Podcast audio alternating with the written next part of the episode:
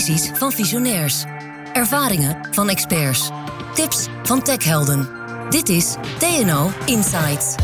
Wij praten met TNO-experts over hun vak en de maatschappelijke vraagstukken waar zij aan werken.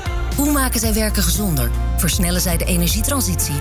Houden zij onze steden leefbaar en helpen zij bij het beter beschermen van onze militairen? Dit is TNO Insights. Artificial intelligence biedt grote kansen voor de publieke sector. Met de enorme hoeveelheden data van de overheid kan AI voorspellingen doen, aanbevelingen geven en zelfs besluiten nemen. Voor de beveiliging van Schiphol, voor onze krijgsmacht en bij het herkennen van afwijkingen bij de Belastingdienst. Maar hoe kun je gelijke behandeling van burgers waarborgen? Hoe kun je nog uitleggen welke keuzes AI maakt en wie is er verantwoordelijk als het misgaat? Kortom, kansen en vragen te over. Ik ben Glenn van den Burg en ik ga in gesprek met Anne Fleur van Veenstra. Zij is Director of Science, Strategic Analysis and Policy bij TNO. En Kees Verhoeven, die we natuurlijk kennen als voormalig Tweede Kamerlid voor D66. En hij is oprichter van Bureau Digitale Zaken. Join the innovators. Let's go. Wat leuk dat jullie zijn, Anne Fleur en Kees. Uh, ja, um, een onderwerp waar we het natuurlijk veel met elkaar over hebben. Waar veel kansen liggen, maar ook veel bedreigingen. Nou, daar wil ik het nou precies met jullie over hebben. Maar eerst voordat we in een soort Babylonische spraakverwarring terechtkomen, uh, Anne Fleur, artificial intelligence. We praten erover alsof het een ding is. Maar wat is het? Ja, um, dank Glenn. Uh, leuk om hier te zijn. Ja, artificial intelligence, het is een enorm generieke term. En heel veel mensen kennen het vooral uit de science fiction. En dan spreken we over artificial general intelligence. Iets wat eigenlijk slimmer gaat worden dan uh, mensen zelf. Daar hebben we het in dit gesprek helemaal niet over. Want dat is vooral iets wat nog uh, meer in de science fiction speelt. Als je het hebt over artificial intelligence in het publieke domein, of eigenlijk zoals we nu überhaupt veel over AI praten, gaat het over predictive uh, algoritmes. Vaak uh, machine learning. Ja. Je voert een systeem heel veel data en aan de hand van een aantal vooraf bedachte parameters kan het systeem zelf daar een uitkomst bij bedenken. Oké, okay. klinkt nog niet heel intelligent. Dat valt ook best mee. Ja, dat, ja. Maar het is vaak wel een beetje een saaie taak die mensen niet zo leuk vinden om te doen. Dus als je het een machine kan laten doen, is het vaak sneller en nauwkeuriger.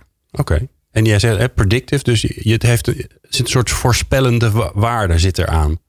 Nou, je hebt ook andere vormen van AI. Beeldherkenning, tekstherkenning. Um, dat zijn wat meer, daar zit ook een bepaalde uh, uh, optimalisatieslag achter. Maar vooral machine learning is erg geschikt om dingen te voorspellen.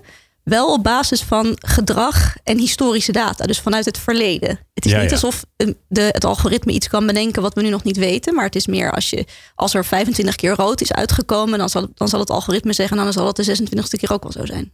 Oké, dus wat het niet is, is een soort. Nou, ik zie maar R2D2 vormen vanuit Star Wars, want die gaat over alle generaties heen. Dat is het dus niet. Hè? Dus niet een soort iets of apparaat die alles kan en die je, alles, die je overal bij kan helpen. Maar het is een heel, eigenlijk een heel specifiek iets wat je kan helpen. Zoals we nu artificial intelligence zien, wel. Er zijn ook andere toepassingen, maar het, hè, waar we het nu hebben over het publieke domein, over een aantal machine learning algoritmen, is dit ongeveer de toepassing. Oké, nou dan heb ik een stelling. Dan hebben we nu een idee waar we het over hebben. Dan heb ik een stelling voor jullie. Om even te kijken of we de boel een beetje in beweging kunnen krijgen. De overheid. Dan gaan we het er later wel over hebben wie dat dan is. Want dat is natuurlijk weer zo'n lekker algemene term. Maar de overheid is onvoldoende in staat om de burger te dienen met AI. Kees, eens of oneens? Eens. Oké, waarom?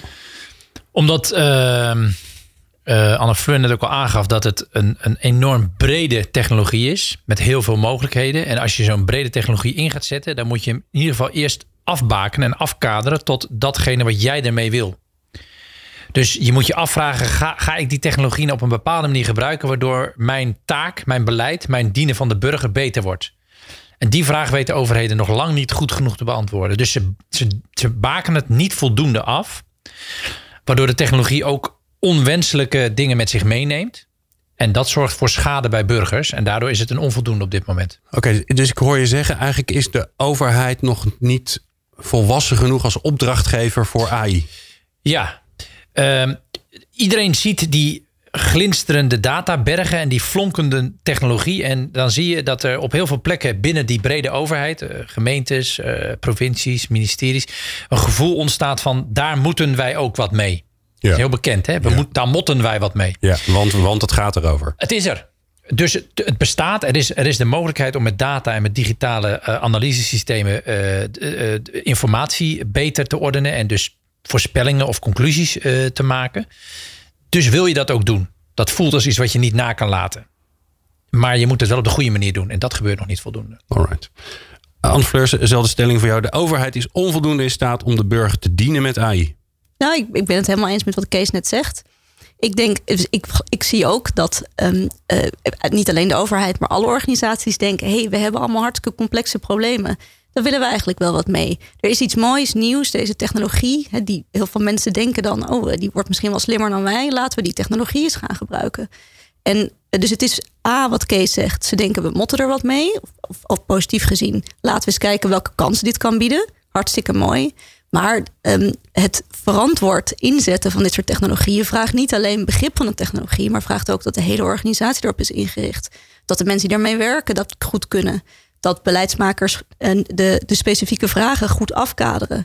Dat we überhaupt met elkaar afspreken wat vinden we verantwoordelijke inzet van AI. Dat is allemaal nog in ontwikkeling. Ja. En dus ik zie dat eigenlijk dat hele zeg maar, uh, ecosysteem van allerlei vaardigheden die de overheid en verschillende overheidsorganisaties moeten hebben, moet zich nog ontwikkelen. Ja. Zijn er organisaties, even buiten onze publieke sector, die het wel kunnen? Die het wel al doen, gebruiken, waarnaar je zou kunnen kijken en waarvan je zou kunnen leren? Um, nou, wat ik vooral zie, er zijn twee typen toepassingen die natuurlijk super succesvol en heel mooi zijn. Eén is in de onderzoekswereld. Uh, dan is vaak heel specifiek vastgelegd wat er wel en niet mag met bijvoorbeeld medische data. Heb je hm. gigantische datasets, ook in de sterrenkunde. Ja, dan kan zo'n algoritme veel sneller dan onderzoekers daar relevante um, uh, inzichten uit opdoen. Maar dat is in een onderzoekssetting, dan is er heel netjes vastgelegd wat je met die data mag. En dan is er een gerichte onderzoeksvraag. Nou, daar heb je dus weinig kans dat burgers daar heel veel last van hebben. Kan wel eens gebeuren hoor, overigens, ook in medisch onderzoek. Maar over het algemeen is dat netjes vastgelegd. En een andere toepassing is juist een heel commerciële setting. Daar zien we dat bijvoorbeeld op marketingafdelingen Um, denk aan Albert Heijn met heel veel data van de bonuskaart. Er worden er een paar gerichte vragen gesteld. Nou, dat levert gewoon een commerciële marge op. Dat zijn natuurlijk ook alle grote platforms die we kennen. Google, um, Amazon. Daar is een hele kleine marge van een net iets beter algoritme. Levert gewoon euro's op. Maar daar is dus die afkadering waar Kees het net over heeft. Die is super specifiek. Die gaat over hoe kunnen we net nog iets meer mensen verleiden om een product te kopen. en hij is ook minder ethisch, hè? Want de, de, overheid heeft natuurlijk een publieke verantwoordelijkheid. Terwijl die bedrijven die dat, uh, die, die die die algoritmes uh, heel succesvol inzetten, eigenlijk veel minder die drijfveer hebben. Kijk maar naar Facebook. Daar zit een algoritme achter die ervoor zorgt dat jij bepaalde dingen te zien krijgt. En dat kan polariserend werken in de samenleving. Maar Facebook heeft helemaal geen belang om daar iets aan te doen. Terwijl een overheid die een algoritme inzet, natuurlijk wel de opdracht heeft om er een maatschappelijke verantwoordelijkheid bij te nou, nemen. in ieder geval veel sneller. Toch? Ja, want Facebook zou die verantwoordelijkheid ook moeten nemen. Maar in ieder geval, voor overheden die zullen dat sneller doen en zullen er ook sneller toe gedwongen kunnen worden. Ja. Het is ook de complexiteit van de vragen. Dat de overheid wil het graag gebruiken voor complexere vragen, maar die veel meer verschillende um, uh, perspectieven kennen. Dan is de inzet van deze technologie meteen veel lastiger. Dus het is niet alleen de overheid. Ik denk ook dat commerciële organisaties die het voor complexere vragen zouden willen inzetten, die hebben ook, is het ook meteen veel uitdagender. Um, dus in die zin vind ik dat er eigenlijk nog best wel weinig echt goede voorbeelden zijn van uh, vraagstukken die met die hele complexe AI, of de hele complexe vraagstukken die, waar AI echt een snelle oplossing voor kan bieden. Dat denk ik niet. Ik denk dat het veel meer een gericht oppas, op, oplossing kan bieden voor heel gerichte vragen. Heb je een voorbeeld? Nou, dat zijn dus de voorbeelden. Maar het werkt?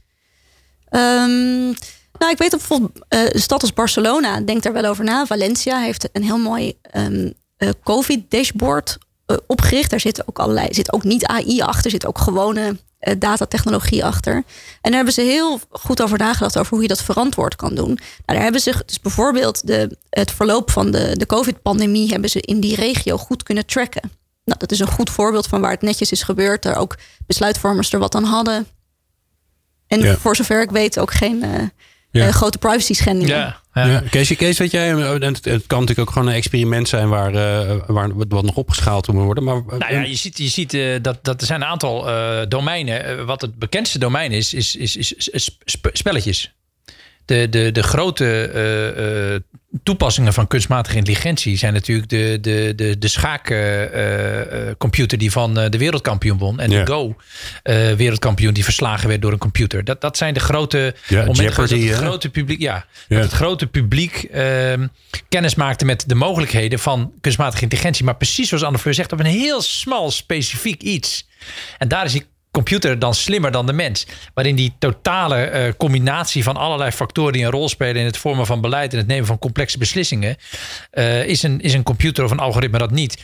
Uh, een computer kan wel allerlei dingen vastpakken en op een andere plek zetten, maar een computer kan niet eventjes een, een, een, een, een, een, een overhemd strijken. Nou, dat geldt voor algoritmes ook. Die zijn toch beperkter in de mogelijkheden op het moment dat er meerdere taken of meerdere informatiecombinaties mogelijk zijn en er dan achter elkaar dingen moeten gebeuren. Maar als ik jullie zo, als ik jullie zo beluister, hè, dan, denk, en dan denk ik, ja, we zijn gewoon te vroeg, joh. Gewoon nog een paar jaar wachten. Of zeggen jullie, nee, er zijn wel zeker kansen, want het zijn namelijk deze. Dus waar, waar, waar is de upside? Waarom, waarom moeten we er wel dingen mee gaan doen, experimenteren, uh, in investeren, over na gaan denken? Omdat ik denk dat wachten niet werkt. De technologie wordt niet vanzelf beter. Het gaat niet alleen om de verbetering van de technologie, dat die nog sneller een bepaalde voorspelling kan doen. Maar het gaat erom, volgens mij wat Kees ook zei, dat de hele, de hele ja, de, de organisatie eromheen en eigenlijk alle partijen die ermee werken, beginnen te begrijpen wat dit wel kan doen en wat het vooral niet kan doen en wat het ook niet moet doen en wat het misschien wel heel goed zou kunnen. Ja. En als we daar met z'n allen hard aan werken, want ja, ik denk dat dit echt, um, wij doen er veel onderzoek naar, maar dit is ook, ik zie ook heel veel overheidsorganisaties die hier enorm mee, uh, die hier enorm mee bezig zijn. De VNG, ministerie, en die, die willen dit begrijpen en, die, en dat doen ze door experimenteren. En ik denk dat dat ook de enige manier is om hier tot een zinvolle uitkomst te krijgen. Dat denk ik ook hoor. En, um... Maar noem eens een voorbeeld wat er dan, waarvan jij dan zegt van nou weet je, dat is nou een interessant vraagstuk wat we hebben in de maatschappij, in de publieke ruimte of in de, in de publieke zaak, waar je, waar je echt wel iets met AI zou kunnen doen. Nou, ik noemde net het voorbeeld van de het tracken van de COVID-pandemie in Valencia. Dat is toevallig een voorbeeld dat ik ken. Ik geloof dat we dat in Nederland niet op die schaal hebben gedaan, durf ik niet met zekerheid te zeggen. Wij hebben zelf bijvoorbeeld een experiment uitgevoerd samen met de gemeente Zoetermeer. Naar of we nou gebruikmakend van deze predictive technologies beter konden um, inzicht konden krijgen in welke wijken eerder van het aardgas af zouden kunnen. Want dat, oh. en dat kan hen dan helpen om, besluit, om, om beslissingen te nemen. Alle gemeenten moeten nu een plan maken in welke volgorde die gemeenten van het gas afgaan. En konden we ze daar nou meer inzicht in geven, waardoor ze betere plannen konden maken. Nou, dan, dat is niet, je kan niet alles met AI beter maken, maar een paar gerichte vragen konden we ze wel helpen om dat, om dat meer inzichtelijk te maken. En dat is denk ik wat zij zich ook realiseerden, want zij hadden natuurlijk ook een beetje gehoopt, ala wat jij nu vraagt, van uh, TNO, help ons, uh, dan, dan zijn we eruit. En wij zeiden, ja, zo werkt het niet helemaal. Je moet ook een aantal besluiten nog steeds zelf nemen. Of je moet zelf een aantal parameters zetten. Maar als jullie daarover eens zijn en als de gemeenteraad het daarover eens is, dan kunnen wij wel een datamodel voor jullie bouwen die op basis daarvan die specifieke vraag kan stellen. En dan gaat het sneller dan als je het uh, gewoon moet uitrekenen, zeg maar. Ja. Kees, waar zie jij als jij zegt van nou, daar zou ik uh, mee, aan de slag gaan. Nou, ik denk dat uh, in het onderwijs zie je dat bijvoorbeeld uh, de mogelijkheid er is om leerlingen veel gerichter te bedienen op hun specifieke leerbehoeften. Dus, dus je kunt met, met, met het goed gebruik van data en algoritmes kun je denk ik veel beter specifieke leerdoelen per leerling mogelijk maken. Je ziet in de, in de zorgsector natuurlijk dat het evident is dat algoritmes er gewoon beter in zijn om kankercellen op te sporen dan, dan een radioloog. Nou, dat is alweer een wat smallere toepassing. Als je naar de beleidswereld gaat, dan kun je natuurlijk ook wel redelijk geïsoleerde stukjes van het beleid kun je dan wel met een algoritme doen. Maar het probleem is dat er dan dingen meekomen. Je hebt, een, je hebt toch een versimpeling nodig. En dat leidt tot van die uh, uitspraken over mensen die dan niet meer kloppen. Dus dan ga je een, een, een systeem bouwen wat gebaseerd is op een bepaald aantal aannames en een bepaalde dataset. En de optelsom van die twee kan leiden tot 93, 94, 98, 99 procent goede uitspraken.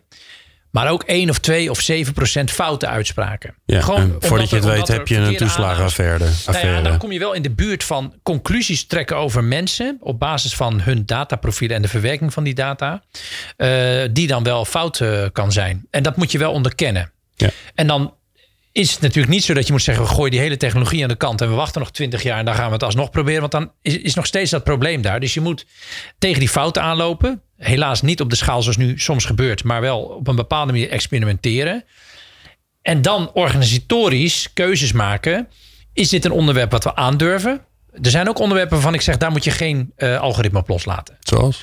Nou, Virginia Eubanks, een Amerikaanse auteur, heeft bijvoorbeeld laten zien dat in de Verenigde Staten uh, bepaalde uh, keuzes over het wel of niet toekeren van bepaalde uitkeringen via een algoritme liep. Van tevoren zei men al, dit zou wel eens mis kunnen gaan. Gingen ze het toch gebruiken en het is misgegaan. Dus had je daar misschien beter kunnen zeggen, dat is nog te vroeg. Maar voor een aantal andere uh, domeinen, uh, beleidsvraagstukken die misschien iets minder heel ingrijpend op, op, op mensen kunnen inhakken, kan het dan wel. Mits je dan nog wel aan het eind een soort van menselijke toets of een organisatorische keuze inbouwt om, om de ergste schade te voorkomen. Ja. Maar je, je moet niet de techniek helemaal aan de kant schuiven. Oké, maar ik hoor jullie dus zeggen, uh, zeker je moet er dingen mee doen. Je moet gaan experimenteren. Het kan je helpen bij je, bij je besluitvorming. Zeker als het gaat om heel, hele grote hoeveelheden data. Alleen dan moet je wel precies weten wat je, wat je wil. Ja. wat, wat eigenlijk de opdracht is die je aan, uh, aan je artificial intelligence geeft. Um, ik hoor jou zeggen, Kees, ja, je moet het wel kunnen blijven uitleggen. Ja. Nou, dat is natuurlijk een van de vraagstukken. Uh, ik ooit lang geleden voor TNO ooit een podcast over gemaakt. Dat ja, het is soms ook een black box. Je gooit er iets in, er komt iets uit. Maar waarom er iets uitkomt, dat moet je dan vervolgens wel snappen. En dat is nog niet zo makkelijk. Dus dat is één. Um, maar ik hoor jullie eigenlijk ook, uh, jou vooral zeggen, Kees ook. Ja, het, het is ook niet zo dat een, een een algoritme vervolgens um, niet meer uh, discrimineert. De, de, hele belangrijke uh, denkfout die, die uit, het, uit het gebruik van algoritmes en technologie in meer algemene zin moet, is het idee dat technologie een soort objectieve, rechtvaardige, neutrale kracht is. Dat is nooit zo geweest. Ja. Technologie is altijd een verlengstuk van, van, van, van politiek, van, van maatschappelijke gewensheid, van, van, van wat de mens wil. En dat betekent dat, dat een, een, een algoritme nooit een neutrale uitkomst kan zijn. Want dat, dat algoritme is bedacht door mensen en de datasets is verzameld en ook opgebouwd door mensen. Dus er zitten aannames, uh, zowel in de, in de formule als in de, als in de dataset. En er kunnen ook verouderde data zijn. Er kunnen allerlei fouten optreden. En die technologie vertaalt die fouten of die menselijke vooringenomenheid gewoon door. Hmm. En daarbij is het nog zo dat als je, als je nu ziet dat er een soort. Overheden willen steeds meer controle. Ze hebben het gevoel dat data de wereld bijna maakbaar heeft gemaakt. Dus zij kunnen met al die data aan alle touwtjes trekken. En dan kunnen ze het bijna helemaal goed regelen. Dat, dat, idee hebben heel veel bestuurders. Dat klopt ook niet. Want het is precies zoals Anne Fleur zegt. De data zijn uit het verleden. En voorspellende uh, oordelen, voorspellende uitspraken. zijn alleen maar te maken op basis van patronen uit het verleden. En die patronen hoeven zich niet te herhalen. Nee. En dus sterker nog, uh, als je iets voorspelt, is de kans dat het uit gaat komen ook daarmee gelijk groter geworden, omdat je daarna gaat handelen. Dat is, de, dus het is ook maar de vraag of je. aanwezige kracht, ja. ja. Anne Fleur, wat, wat zijn nog andere vraagstukken, problemen die er leven rondom het op een goede manier inzetten van AI in die, ja, die, die publieke zaak, in die besluitvorming in de publieke zaak? Nou, we hebben denk ik al een aantal belangrijke gehad. Dus bedenk heel goed waarvoor je het wil inzetten en definieer dat heel netjes. Um, die uitlegbaarheid, of in de wetenschap hebben we tegenwoordig ook veel over contestability. Hè? Dus uitlegbaarheid is een soort eerste stap. Dat een, uh, het, systeem, of het systeem moet zodanig of uitlegbaar zijn. Uh, vervolgens zeiden mensen, moet het niet eigenlijk veel meer accountable, verantwoordelijk zijn. Dan kun je achteraf uitleggen wat je hebt gedaan met de keuzes die gemaakt zijn. En tegenwoordig zeggen we eigenlijk moet het systeem contestable zijn. Ja, excuses voor alle Engelse termen, dat is een beetje inherent aan de wetenschap soms. En dat we dus niet alleen dat het achteraf uitlegbaar moet zijn, maar dat uh, het, tijdens het gebruik ervan, dat uh, individuele burgers het systeem ook moeten kunnen bevragen van waarom zit dit zo? Yeah. Waarom, gebruik, waarom komt er een bepaalde uitkomst uit? Is dat afhankelijk van een parameter? Is dat, is dat op basis van uh, foutieve of goede of, of, of gekke data van mij uit het verleden? En dat je dat moet kunnen uitleggen gedurende eigenlijk dat proces waarin het wordt gebruikt. Nou, om dat goed voor elkaar te krijgen, daar zijn wetenschappers nog heel erg mee bezig. Daar is eigenlijk de hele maatschappij nog mee bezig. En ja, dat is nog volop in ontwikkeling. En dan, en, uh, en dan nog een laatste aspect. Waar we het nog wat minder over hebben gehad. Ik heb al even genoemd. Er is in mei is er een uh, Europese um, verordening aangekondigd. De AI. Uh, dus echte regulering. En daarin willen we eigenlijk Europees vastleggen wat wij acceptabel vinden dat we met deze technologie mogen doen. En dat zou dus ook voor Nederlandse overheden gemakkelijker moeten maken om vooraf een beetje wat, wat regels te hebben wanneer ze het wel en niet mogen inzetten. Want nu zien we ook dat ze vaak nog aan het experimenteren zijn met alle beste bedoelingen. Dan gaat het niet goed, helemaal alle redenen die we nu genoemd hebben. En dan zegt iedereen, ja, uh, dat wist je toch van tevoren. Terwijl eigenlijk is er nu helemaal niet een heel helder kader het speel, soms voor het, ze. Het speelveld is, is veel te groot. Ja, en ook, dat, en ook vaak nog heel veel van die principes die we dan met elkaar afspreken, zijn best wel abstract. Dus ik denk dat er ook nog wel veel werk te doen is om, het, om gewoon echt veel betere handvaten te maken voor organisaties die het graag goed willen doen, maar voor wie het ook nog steeds best complex is. Ja. Dus dat zijn denk ik een aantal dingen waar, waar nu ook heel veel mensen aan werken. Hè. Ook, ook in Nederland wordt er heel veel onderzoek naar gedaan. Ja, want laten we daar eens naartoe gaan. Hè? Want eh, nou ja, ik, ik begon de, deze podcast al met eh, grote kansen, maar ook grote vraagstukken. Dat is natuurlijk altijd spannend. Hè? Dus niks doen is eigenlijk geen optie. Dus ja, wa- wat moeten we gaan doen? Waar moeten we in gaan investeren? Eh, je bent het luisteren naar deze podcast. Je, je werkt bij een gemeente als gemeentesecretaris of eh, eh, je bent bij een mi- ministerie en je, en je, je hebt een, een duivels dilemma van ja, moeten we nou hier wel of niet mee aan de slag? Dus ehm, help deze fijne mensen. Oké. Ja, voor de hand ligt natuurlijk het woord kennis. Maar ik heb daar gedurende mijn eh, politieke carrière eh, ook wel weer eh, een, ander, een ander element naast gezien. Dus dat er meer kennis moet zijn van deze technologie. de, de risico's, de valkuilen, dat is evident. En dat moet je dus op alle overheidsniveaus proberen te organiseren. Dat kan via Brain Trust. Hè? Dus ja, bel eens iemand op, nodig iemand uit, lees een boek. Het hoeft niet allemaal in de, in de organisatie aanwezig te zijn. Maar ik denk dat meer kennis bij de overheid een, een open deur is. Wat ik een belangrijk aspect vind daarnaast is cultuur. En dat heeft te maken met het feit dat, dat, dat je de neiging hebt als bestuurder om eh, bepaalde technologie op een moment dat er een crisis uitbreekt of een grote dreiging is of een lastig beleidsvraagstuk is, dat je grote druk voelt om dat op te lossen en dat je dan denkt, nou nu gaan we eens even daadkrachtig tempo maken met wat nieuwe technologie, in dit geval data. En daar gaat in de cultuur heel veel fout. Dat, dat, dat van tevoren rustig de tijd nemen om na te, even los van de kennis die je misschien al best hebt, maar die kennis ook be- benutten, ademhalen, tot tien tellen, overleggen, lastige vragen stellen, tegenspraak organiseren. De vraag stellen, is het, is het middel dat we nu gaan inzetten in, in overeenstemming of in lijn met het doel wat we willen bereiken? Die, die cultuur, die politieke besluitvormingscultuur, die vertragingscultuur zou je het kunnen noemen, die mis ik heel erg. En dan heb je de kennis daarnaast nog, maar dat is een wat rationeel iets, terwijl er ook heel veel emotioneel, eh, eh, ged- e- emotionele gedrevenheid achter de inzet van heel veel eh, algoritmes zit. Namelijk het gevoel, we, we moeten dit toch tegengaan.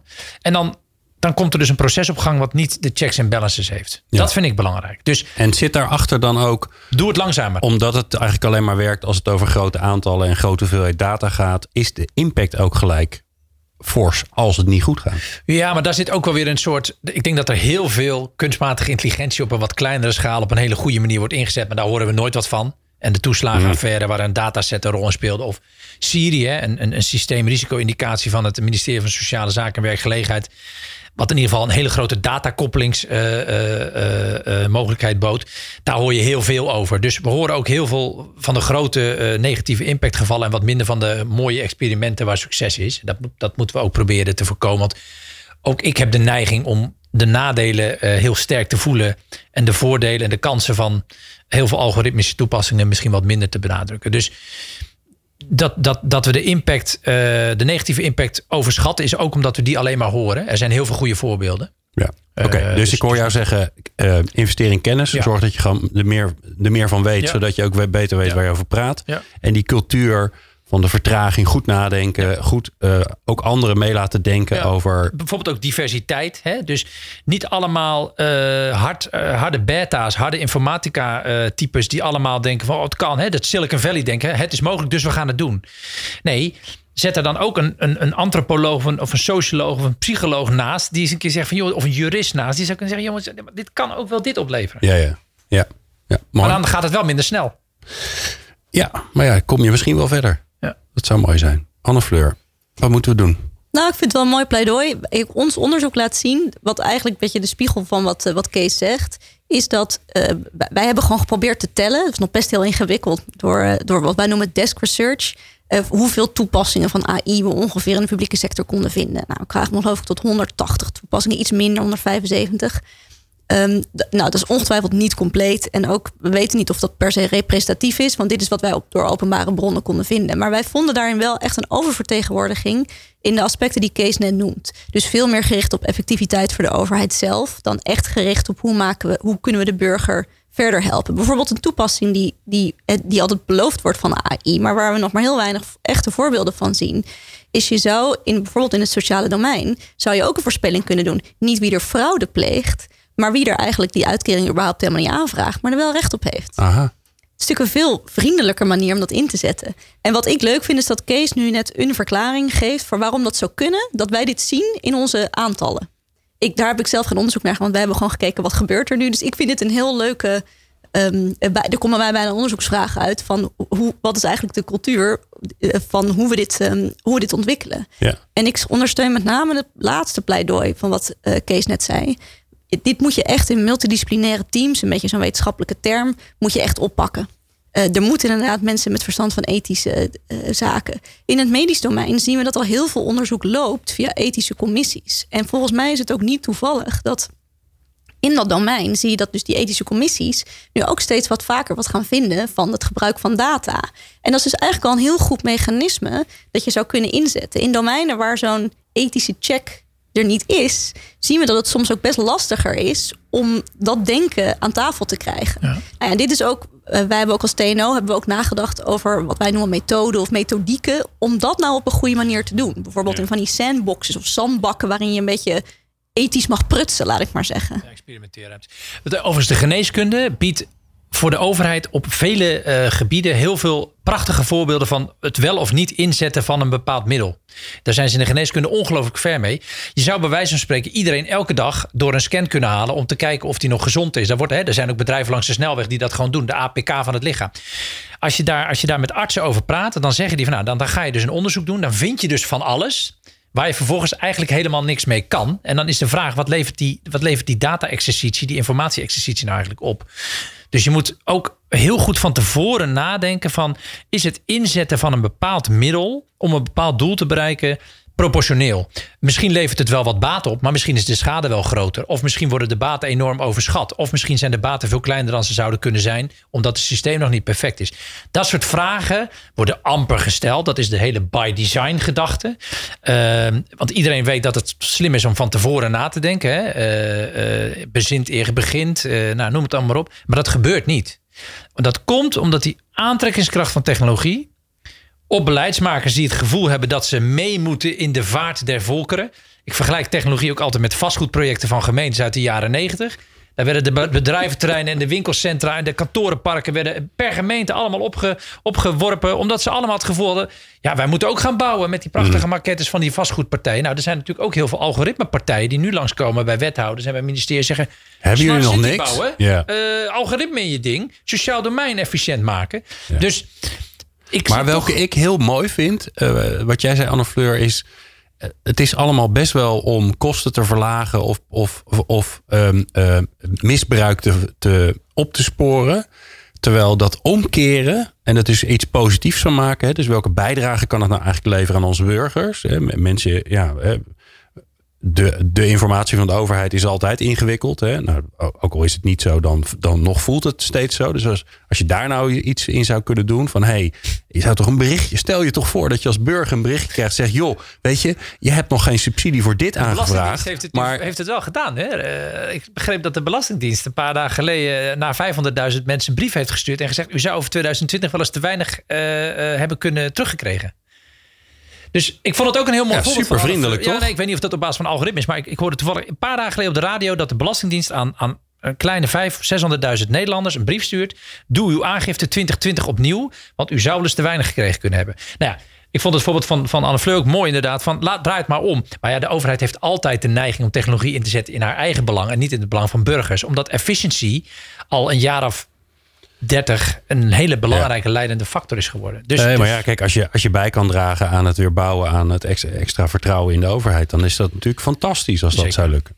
Um, sprekende over die burger, welke rol speelt die burger, Anne Fleur, in deze hele ontwikkeling? Want die, ja, die, die is een soort soort leidend voorwerp uh, klinkt het bijna. Nou, ik wilde net zeggen, die is denk ik nog vooral leidend voorwerp. Het is overigens wel leuk. Ik ben nu letterlijk vandaag ook aan het schrijven van een onderzoeksvoorstel om een methodiek te bedenken om dat veel structureler op een goede manier te doen. En ik denk dat er eigenlijk twee kanten aan zitten. Uiteindelijk is de groep burgers die zich echt proactief met dit soort dingen wil bemoeien ook weer niet zo heel erg groot. Laten we wel wezen, we willen vooral dat de Belastingdienst zijn werk gewoon goed doet. We willen eigenlijk, we vinden het niet eens zo heel erg om één keer per jaar belastingaangifte te doen. Maar we willen natuurlijk, we willen wel dat het klopt. En we willen dat, de, dat het niet te veel gedoe oplevert. Dus Um, dus daarom denk ik dat, dat zowel werken aan gewoon werkende systemen die dus contestable zijn. Ik, ik vond het bijvoorbeeld in die toeslagenaffaire wel best wel schokkend om te lezen dat je de telefoon pakt en dat je dan niet eens afdoende uitleg krijgt. Ja, ik denk dat dat wel belangrijk is dat je dat dus in die systemen stopt, dat tenminste die check mogelijk is voor diegenen die dat willen, dat je het kan bevragen.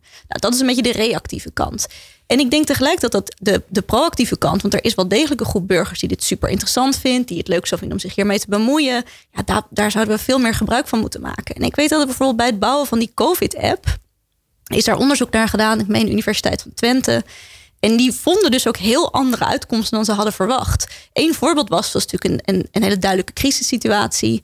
Um, en, uh, en met onderzoekers dachten, nou ja, iedereen zal ontzettend bang zijn voor zijn privacy. Dat bleek hartstikke mee te vallen, want de grote groep burgers was gewoon super bezorgd wat er met hun gezondheid was. En die zeiden, privacy, privacy, dit is zo belangrijk. Um, waarom mag er niet meer? Ik wil graag eerder gewaarschuwd worden. Nou, dat was echt iets wat we van de onderzoekers vertelden, hadden wij niet verwacht. Maar dat ging dus ook heel erg dat ze dan wel van tevoren betrokken werden in wat vind je belangrijker. En ik denk alleen al die processtap, de mogelijkheid om dat proces een keer aan te gaan, daar zullen heel veel mensen nooit gebruik van maken. Dat kan al best een groot verschil maken. Ja, mooi. Een rol van de burger, Kees. Jij hebt jarenlang uh, die burger uh, vertegenwoordigd. Ja. ja, zeker. Ja, ik denk dat dan is het woord inspraak of betrokkenheid of de mogelijkheid om invloed uit te oefenen, is natuurlijk de, de, altijd de leidende factor. Ik bedoel, als je een maar ja, dit gaat over AI, dus zo ingewikkeld. Nee, maar als je een black box of een computer says no-achtig systeem optuigt, wat over, wat over burgers gaat beslissen, dan kan ik me goed voorstellen dat je ook wil dat burgers van tevoren eh, daar vragen over kunnen stellen en daar hun, hun kritische kanttekeningen bij kunnen zetten. En als je dat in de totale beslotenheid gaat inzetten, dan is die mogelijkheid het niet, want dan is alles alleen maar achteraf bekend en dus ook achteraf contestable, om dat woord dan maar te gebruiken. Dus ik vind, ja, dit, is een wat meer algemeen punt dat burgers gewoon via de volksvertegenwoordiging, maar ook via andere wegen, meer betrokken moeten worden bij de ontwikkeling van, van dit soort systemen. Zeker als het besluiten neemt over burgers. Ja, en als jij inderdaad een brief krijgt waarin staat: je moet nu 30.000 euro terugbetalen. Uh, en je hebt eigenlijk het gevoel dat je helemaal niks misdaan hebt. En je gaat eens even bellen en je krijgt vervolgens allerlei muren en blokkades. En, en vervolgens afsluiting uit huisplaatsingen en, en, en andere dwangsommen. Ja, dan, dan voel je je natuurlijk als burger totaal in de steek gelaten. En uh, dat, dat, dat mag AI nooit uh, versterken. Nee, en aan de andere kant, uh, dat mag ook niet de reden zijn om vervolgens nooit meer te experimenteren. Uh, precies, want dan, dan ga je uit van het feit dat alles wat je met AI doet slecht is. En dat is niet zo. En dat, daar begon het ook al mee. Ja, er, is een, er is een idee van algemene kunstmatige intelligentie die slimmer is dan de mens. Maar we hebben het vooral over hele specifieke toepassingen die in bepaalde gevallen, waar het gaat om grote datasets en, en grote hoeveelheden informatie, heel nuttig kunnen zijn en beter kunnen zijn dan handmatig controleren. Dus ja, dan is het heel slim om het wel te gebruiken. Ja. Um, ik wil onze luisteraars uh, helpen um, om uh, lekker concreet te worden. Mm. Uh, dat, ik, ik, snap ook dat dat in dit geval van dit nogal complexe vraagstuk ook wel ingewikkeld kan zijn. Maar wat kan ik morgen doen om een eerste stap te zetten om beter beslagen te eisen te komen over dit onderwerp? Dus ik ben beleidsambtenaar ergens in het land, in een mooie provincie, gemeente, bij een ministerie. En ik denk, ja, ik wilde er iets mee. Maar ik ben deze podcast geluisterd. Ik ben toch een beetje huiverig geworden. Ik, ik, heb goed geluisterd. Ik weet dat ik, wat, dat ik een goede opdracht moet. Ja, maar ik, ik wil ook gewoon iets doen. Dus wat kan ik lezen?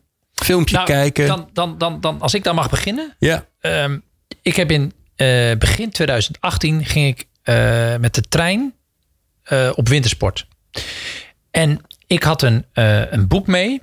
En dat heet Live Tree 3.0, leven 3.0. Max Tegmark is een Amerikaanse natuurkundige die op een vreselijk uh, fundamentele manier uitlegt wat kunstmatige intelligentie is en kan zijn. En toen ik dat boek gelezen had, het is een stevig boek en het moest ook nog in het Engels. Uh, toen ik dat boek gelezen had, wist ik wel, hier moet ik mijn laatste politieke jaren uh, aan gaan besteden. Want de het maakte duidelijk hoe enorm groot de impact is. Want hij zegt, er zijn geen natuurwetten of materiaalwetten die het onmogelijk maken dat uh, kunstmatige intelligentie slimmer is dan menselijke intelligentie. Dus hij bewees op een natuurkundige um, gebaseerde manier dat het niet uit te sluiten is dat er uiteindelijk een vorm van algemene kunstmatige intelligentie kan ontstaan. Gewoon op basis van materiaal en natuurkundige wetten. Dus hij maakte eerst de enorme grootheid, maakte die duidelijk. Om vervolgens te gaan naar die uh, ethische principes die hij ook met een hele grote groep wetenschappers vervolgens heeft ontwikkeld. En waar eigenlijk alle Europese en andere voorbeelden van, van AI guideline-achtige principles. die zijn allemaal gebaseerd op zijn, uh, zijn initiatief.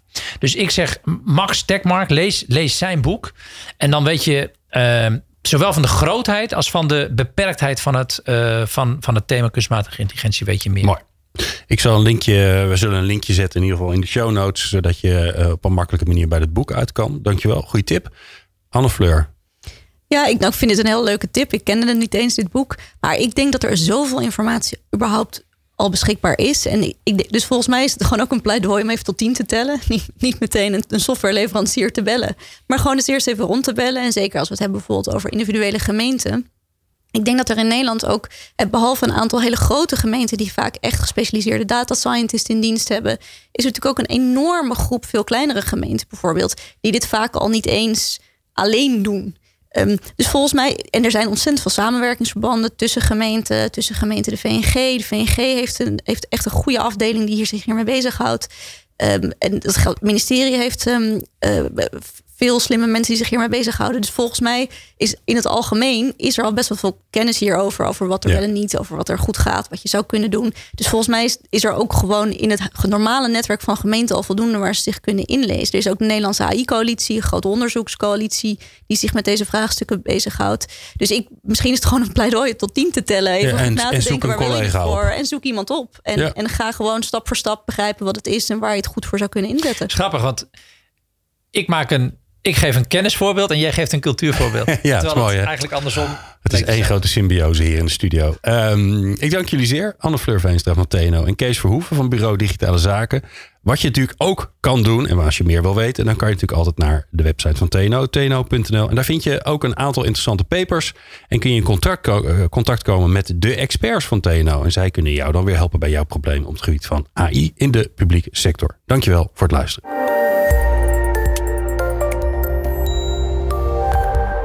Bedankt dat je hebt geluisterd naar TNO Insights.